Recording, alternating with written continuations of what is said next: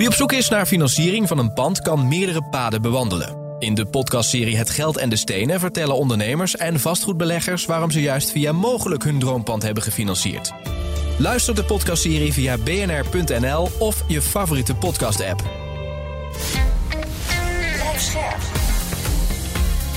BNR Nieuwsradio. Vastgoed gezocht. Maarten Bouwhuis en Maarten de Gruiter.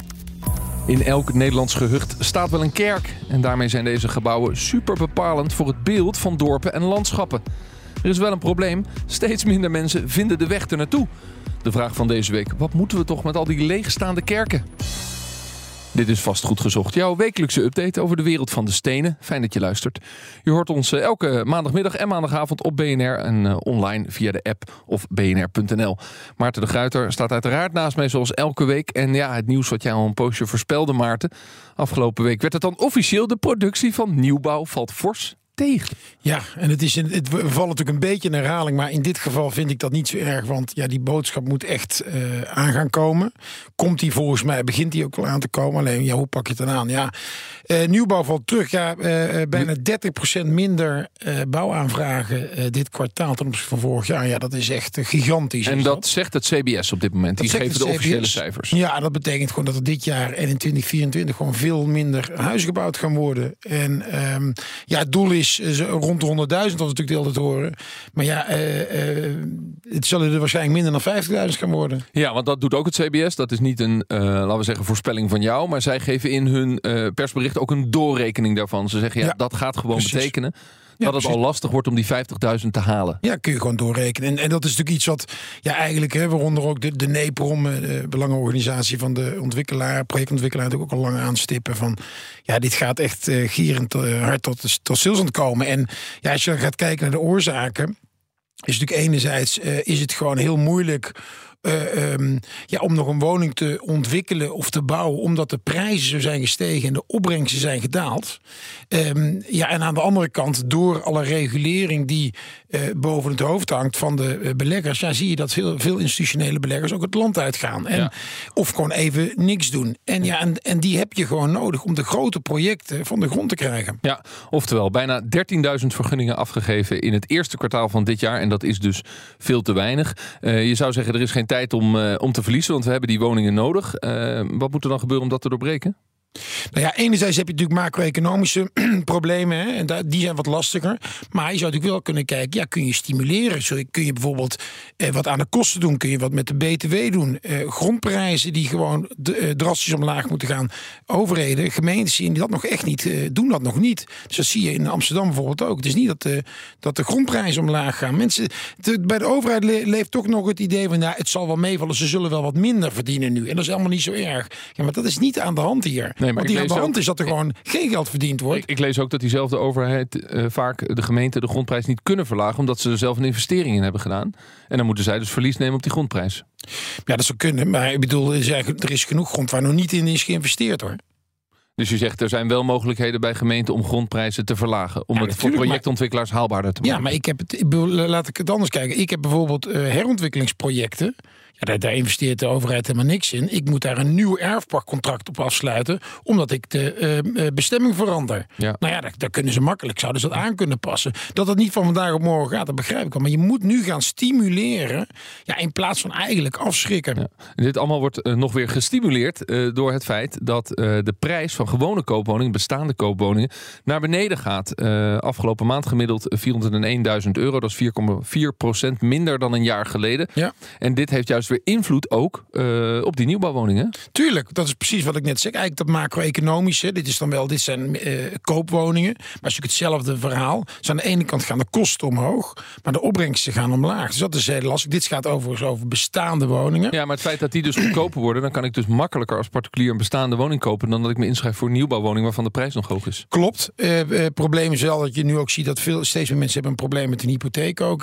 Het, het bijzondere is natuurlijk dat ja, uh, er steeds minder gebouwd gaat terwijl de vraag nog heel erg groot is. Dus je gaat straks toch een keer ergens een soort van ontploffing krijgen in die waarde. Vastgoed gezocht. Nederland telt bijna 7000 kerken. In de tijd van uh, ja, mijn opa en oma uh, zaten die elk weekend vol met gelovigen. Overigens ook in de tijd van mijn eigen ouders.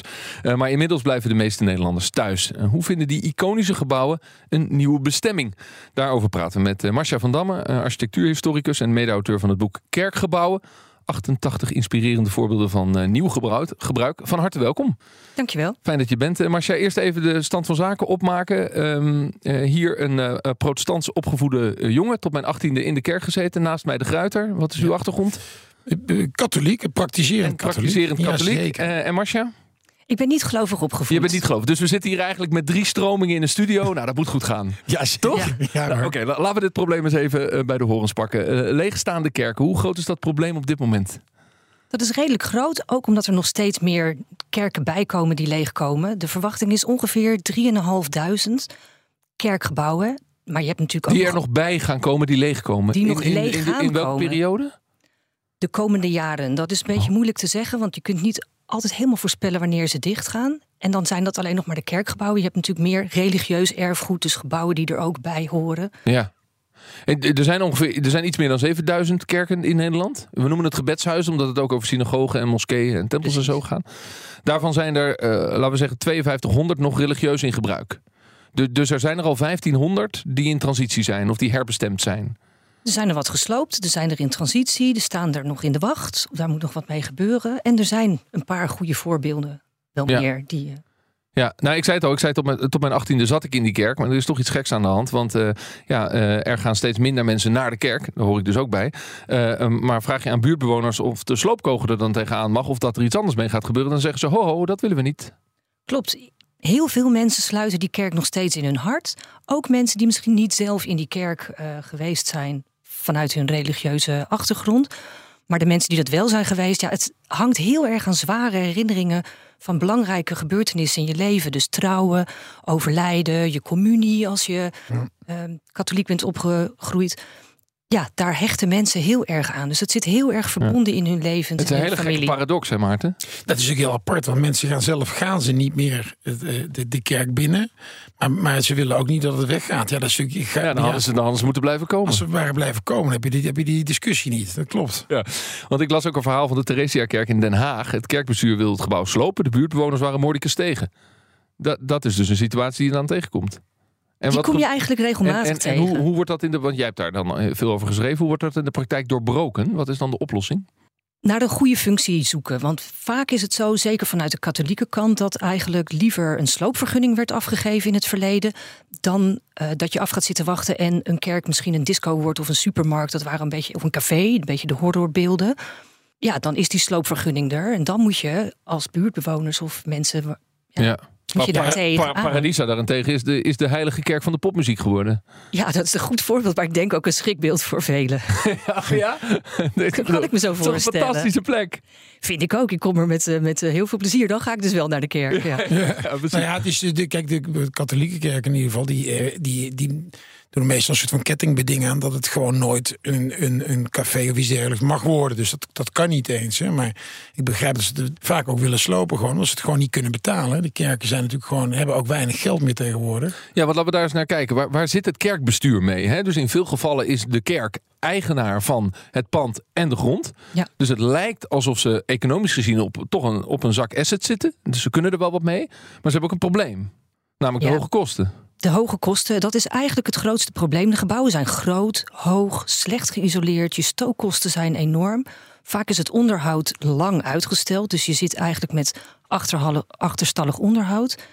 Ja, dan weet je al bij voorbaat eh, dat dat hoog gaat uitkomen. Je dak vernieuwen, ga er maar aan staan. Ja, ja. Dus dat is een probleem. En dat is dan toch de reden dat ze uiteindelijk de markt op moeten. En zeggen we willen verkopen, we willen herbestemmen. Die hoge kosten en ook door het teruglopen van het ledenaantal, de kerkgangers, worden de kerkgenootschappen samengevoegd. Die krijgen één gebouw toegewezen. Dan blijven er drie andere gebouwen over waar je dan mee zit. Ja, En dan kunnen nevenactiviteiten niet genoeg inkomsten genereren om die gebouwen te onderhouden. Nou, de kerk waar ik als kind elke week kwam, dat is nu een Chinese kerk. En de andere kerkgangers gaan inderdaad eh, in de stad naar een andere kerk toe. Zeg maar de mensen die nog over zijn gebleven. Ja. Eh, dat lijkt me ook wel ingewikkeld. Dat er dan een heel ander geloof in gaat zitten. Dat is ook niet altijd de wenselijke functie van de mensen die vroeger naar die kerk gingen. Dus er zijn allerlei functies die op verzet stuiten. En dat kan te maken hebben met een ander geloof. Of met iets wat strijdig zou zijn met het geloof, namelijk een café of iets dergelijks. Maar ook uh, een winkel, dat er heel veel verkeersbewegingen komen, dat er mensen met auto's komen en parkeren, dat buurtbewoners daar tegenop zien. Dus er, dus kan van alles meespelen. Ja. Waarom iets voet in Die Theresiakerk in Den Haag is uiteindelijk wordt nu herontwikkeld als supermarkt. Dat lijkt me toch wel een bijzondere bestemming. Want dan krijg je dus die, die verkeersbewegingen. Dat krijg je ook. Vaak is, hebben sommige kerken uh, een goed voorplein, dus kan er ook wel geparkeerd worden, maar je moet het wel goed regelen. Uh, ja, kerkgangs kwamen vroeger natuurlijk vaak lopend en lag het midden in de wijk. De wederopbouwkerken, dus de naoorlogse kerken, die hebben vaak goede parkeervoorzieningen. En daarvan is er ook één herbestemd als supermarkt, inderdaad. Ja, uh, de projectontwikkelaar die naast mij staat, de katholieke projectontwikkelaar, Maarten de Gruiter. Heb je wel eens zo'n business case doorgerekend? Ja, best vaak eigenlijk. En, en uh, tot, tot uh, frustratie van mijn collega's, want die zeiden, oh, dan komt Maarten weer met zo'n kerk aan. en, want die wist al van tevoren, dat was toch vanuit mijn vastgoedhart, vond ik dat dan geweldig. Maar iedereen wist natuurlijk al lang van tevoren, ja, daar is, daar is geen droogbrood meer ja, te verdienen. Binnen, binnen Boelens Gruiter ben jij de passie uh, en de aanjager. En jouw, blauwe collega's moeten het dan doorrekenen. En die bellen jou dan op en zeggen, maar het is niet te doen. Nou, de passie zit bij ons overal, want er in het bedrijf. Maar dat, die weet het gewoon van tevoren al. En ik eigenlijk ook. Maar het, kijk, het grote probleem is vaak dat ik heb er veel doorgerekend. Zeker ook in Brabant. En het probleem is vaak dat de parochie denkt van, nou, wij bieden dit heeft, eh, het is groot en veel stenen. Dan denken mensen al van, nou, dat zal wel, moet veel opleveren. Ja, en, en wij weten eigenlijk al, als je het gewoon op de business case, dat het eigenlijk al niet rond te rekenen is. Hè. Dat is je moet het bijna gratis krijgen. Ja, en het grote probleem zit er meestal juist in die uh, monumentaalheid van die panden. Dus je mag er niks mee. En dat is natuurlijk de, de uitdaging voor de toekomst wordt. Dat je als overheid, of als gemeenschap eigenlijk gewoon wij met z'n allen moeten gaan bedenken. Die kerk kan het niet meer betalen. Dus Ofwel, je moet toch uh, meer toestaan bij zo'n kerk, zodat er meer dingen kunnen. Want iedereen zegt altijd, ja, maar dat, die bibliotheek in, in Maastricht, ja, maar je kunt niet in iedere kerk een bibliotheek gaan doen. Hè? Dus uh, je zult veel meer moeten toestaan. En ook gewoon, ik vind dat je ook gewoon moet accepteren dat je dingen ook gewoon wel eens moet slopen. Hoe hebben die voorbeelden die jij beschreven hebt, hoe zijn die omgegaan met die monumentale status? Hoe hebben ze dat steeds toch kunnen doorbreken in een oplossing? Dat is elke keer heel anders. Maar het is wel precies de reden waarom het boek is gemaakt. Om, ik kom zelf ook uit de monumentenzorg. Ik krijg eigenlijk dagelijks te horen, want er kan niks met monumenten. Dan is het eigenlijk juist interessant om te gaan kijken waar zit de bewegingsruimte. En dat is bij elke kerk anders. Want er zit monumentale waarde misschien in de baksteen, maar soms is het in schilderingen, soms gaat het meer om een doopvond of de manier waarop je binnenkomt. Dus dat is maatwerk. En dat is bij al die voorbeelden eigenlijk bekeken. Hoe is met dat maatwerk omgegaan? Ja, maar je kunt het ook heel praktisch maken. Uh, spreek even als, ja, met een beetje vastgoed idee. Ik wil appartementen bouwen, dus ik wil graag, uh, Maarten zei het al, dakramen erin. Ja, nee, nee, dat dak moet wel intact blijven. Ja, dan kunnen we geen appartementen maken. Nee, dus dan ga je kijken, kan het misschien op een andere manier? Kan het met een strookramen die wegvalt in de kleur van het dak? Of doe je dat aan een achterkant? Ga je met een indeling binnen andersom? Of soms is het zo, past een bepaalde functie niet in dat gebouw en dan kan je beter voor een andere functie kiezen. Dus het is ook een hele. Ja, maar uiteindelijk gaat het toch om geld. Want een projectontwikkelaar die moet er nog ergens een boterham aan uh, verdienen. Het moeten nog betaalbare appartementen of het moet een retail locatie worden die te verhuren is. Uh, dus je zult dat maatwerk toch zo moeten maken dat het wel rendabel is. En, en dan moet monumentenzorg misschien toch een beetje meebewegen soms. Ja, nou die voorbeelden laten ook wel zien dat er best meebewogen wordt hoor. Maar er zijn best wel pittige ingrepen in bepaalde kerken gedaan. Ook in Hilversum, appartementen ingemaakt, mooie dakramen erin. En die zien er dan ook goed uit. Vanuit mijn vak zeg ik altijd.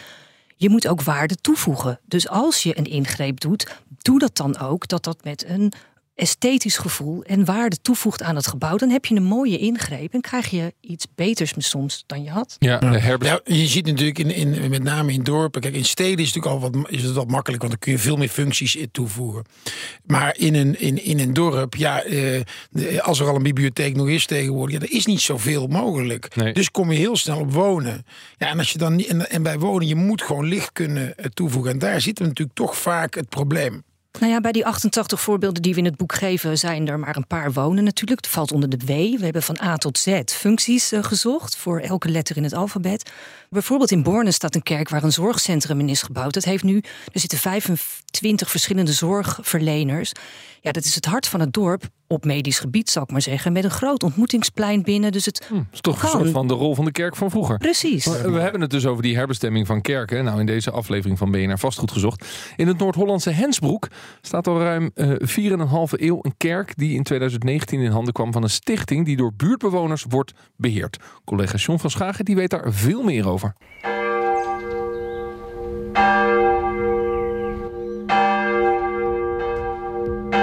Ja, dit geluid klinkt voor mij heel herkenbaar. Ruim 20 jaar stond mijn bed namelijk op een meter of 60 van het kerkgebouw in Hensbroek. Een dorp niet ver van Alkmaar. Een kerk zoals je die overal in Nederland ziet. Met toren dus, daterend uit 1658. Heel veel kerkgangers kwamen er al een poosje niet meer en de geloofsgemeenschap wilde er op die reden vanaf. 1 november 2019 was het zover. Stichting Vrienden van de Hesbroekenkerk kreeg het pand voor het symbolische bedrag van 1 euro in handen. Hun doel? Behoud van het kerkgebouw als beeldbepalend gezicht van het dorp. Niet als bioscoop, als supermarkt of restaurant en ook niet als plek waar appartementen zouden moeten komen. Nee, er worden sindsdien allerlei culturele evenementen georganiseerd. Exposities, kleine concerten, diners en meer van dat soort dingen. Financieel blijft het wel een uitdaging. Ik sprak een van de kartrekkers dit weekend nog. Het pand is net geschilderd, binnen en buitenom. Het dak wordt gerestaureerd en een muurpatholoog is bezig met een onderzoek naar de stuklaag in het gebouw. Dit laat los, iets wat in meer kerken aan de hand is trouwens.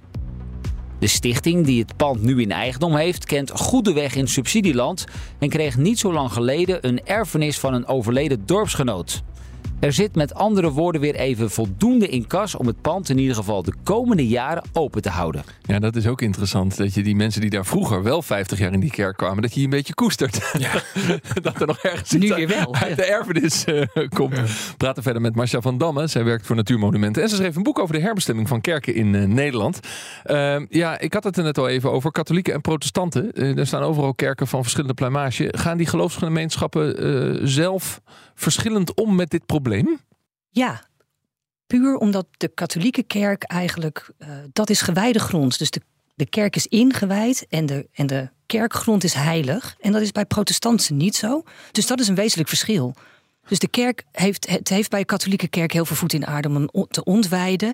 Maar ook eh, worden er al, dat werd net al even aangestipt, randvoorwaarden gesteld aan functies die erin zouden mogen komen. En als er nog een begraafplaats om de kerk heen ligt?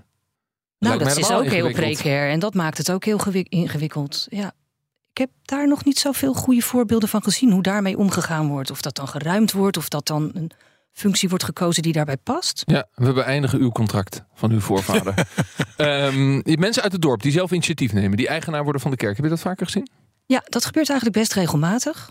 Die hebben ook vaak een heel goed idee en ook best een passende functie. Maar dan blijft het toch vaak een lastig verhaal. Het lukt ze soms, maar je moet wel een lange adem hebben. Oh, heb je een tip voor deze mensen in Hensbroek? Die zijn pas vier jaar bezig. Die, die, die voelen, dat voelt nog als start-up.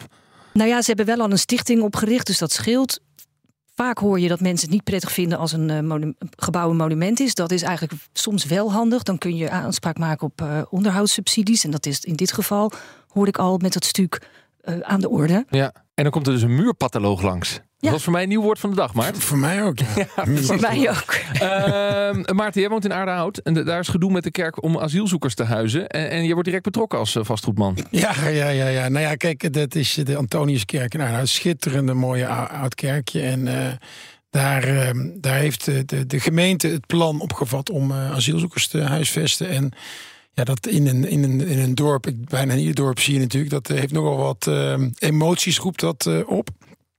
Ja, toen werd ik wel meteen benaderd natuurlijk. Want ja, iedereen weet dat ik zo ongeveer de laatste gelovige ben bij ons in het dorp. En ook nog vastgoedman. En ook nog vastgoedman. Dus die dacht, ja, nu moeten we maar het inschakelen. Eindelijk hebben we wat aan die man. En ehm, eh, nou ja, mijn eerste reactie was natuurlijk ook van... ja jongens, als jullie gewoon allemaal naar de kerk waren blijven gaan...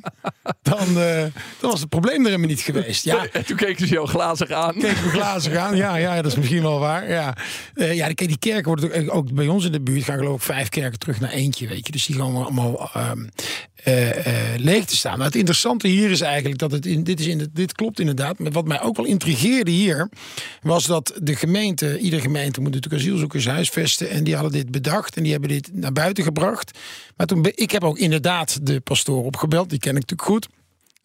En eh, die vertelde mij toen ook van ja, het interessante was dat de COA was überhaupt nog niet langs geweest om te kijken. Eh, eh, kunnen we de kerk en de pastorie gebruiken? En er was ook nog helemaal geen huurcontract. Waarop ik natuurlijk meteen zei: Nou, dan zit je helemaal mooi. Want als zij het al willen, dan kun je daar ook alles gaan vragen aan huur natuurlijk. De kerk zit er overigens anders in en terecht. Die vinden ook dat, eh, dat dit, dit hoort ook wel natuurlijk bij het geloof om Ja. mensen in nood te helpen. Dat, dat, daar ben ik het ook helemaal mee eens. Ehm, maar het interessante is dus dat een gemeente dit al naar buiten brengt. Zonder aan de achterkant überhaupt te- te weten of het eh, te gebruiken Ja. is voor asielzoekers. En wat het gaat kosten. En ook nog een huurcontract. Ja, dus in al die precairheid van die ontwikkeling, die herontwikkeling van kerken, Marcia, is, eh, laten we zeggen, de, de alle partijen die erbij betrokken zijn, en dat zijn er heel veel, die, die moeten ook een beetje op kousenvoeten lopen om te zorgen dat ze niet eh, mensen voor de schenen trappen. En daarom kan ik me in dit geval ook wel voorstellen dat er juist wel vroeg wordt gecommuniceerd. Omdat vaak burgers en mensen die erbij betrokken zouden willen zijn, het gevoel hebben dat er al heel veel bekokstoofd is voordat zij daar een stemming krijgen. En daar is ook vaak wel wat weerstand uit Ja, voortgekomen. wat is dan wat jou betreft in al jouw eh, verhalen die je geschreven hebt, de belangrijkste les dat als je tot een herbestemming wil komen, hoe je, dan, hoe je dat proces dan inricht? Dat is natuurlijk een, lang- een grote vraag, maar wat is de belangrijkste les daarin? Ja, dat je toch zoveel mogelijk partijen daar wel op een vroeg moment bij betrekt. Want als je ze er vergeet, dan dat, dat wekt vrevel op en, en, en weer vertraging. Ondanks het feit dat die mensen zelf al 25 jaar niet meer in de kerk komen. Dan willen ze toch betrokken worden. Ja, ook omdat, wat ik eerder zei, die kerk vaak midden in een buurt staat. En dat gewoon heel veel impact heeft, zo'n nieuwe functie, op de mensen die daaromheen wonen. Dus Ja. dat is heel belangrijk. En jouw stelling is dus de komende jaren komen er nog duizenden kerkgebouwen op de markt. Ja. Het is echt wel een enorm potentieel. Wat, wat, het, wat het mooiste is natuurlijk van het voorbeeld van, van, van John is natuurlijk zo'n groep die het koopt. Want we kijken allemaal van ja, we, maar er moet iets mee gebeuren wat wij willen. En eh, de, die kerk mag niet weg. Nou, dan vind ik het heel mooi dat ook de maatschappij het dan ook zelf Ja, oppakt. de, de, en colle- niet naar de de, rest kijkt. de inwoners van Hensbroek Ja. die het oppakken, stichting oprichten, Ja. aan de slag. En dan moet je het ook zelf gaan regelen. Ja. Zo is het net. Dankjewel Maarten de Guiter, dankjewel uh, Marcia van Damme voor dit gesprek. Eh, en jongens, bedankt voor het luisteren naar Vastgoed Gezocht. Abonneer je op dit programma in je eigen podcastplayer, dan mis je nooit een aflevering. Ehm, tot volgende week. Vastgoed gezocht wordt gesponsord door Mogelijk. Mogelijk. Vastgoedfinanciering voor ondernemend Nederland.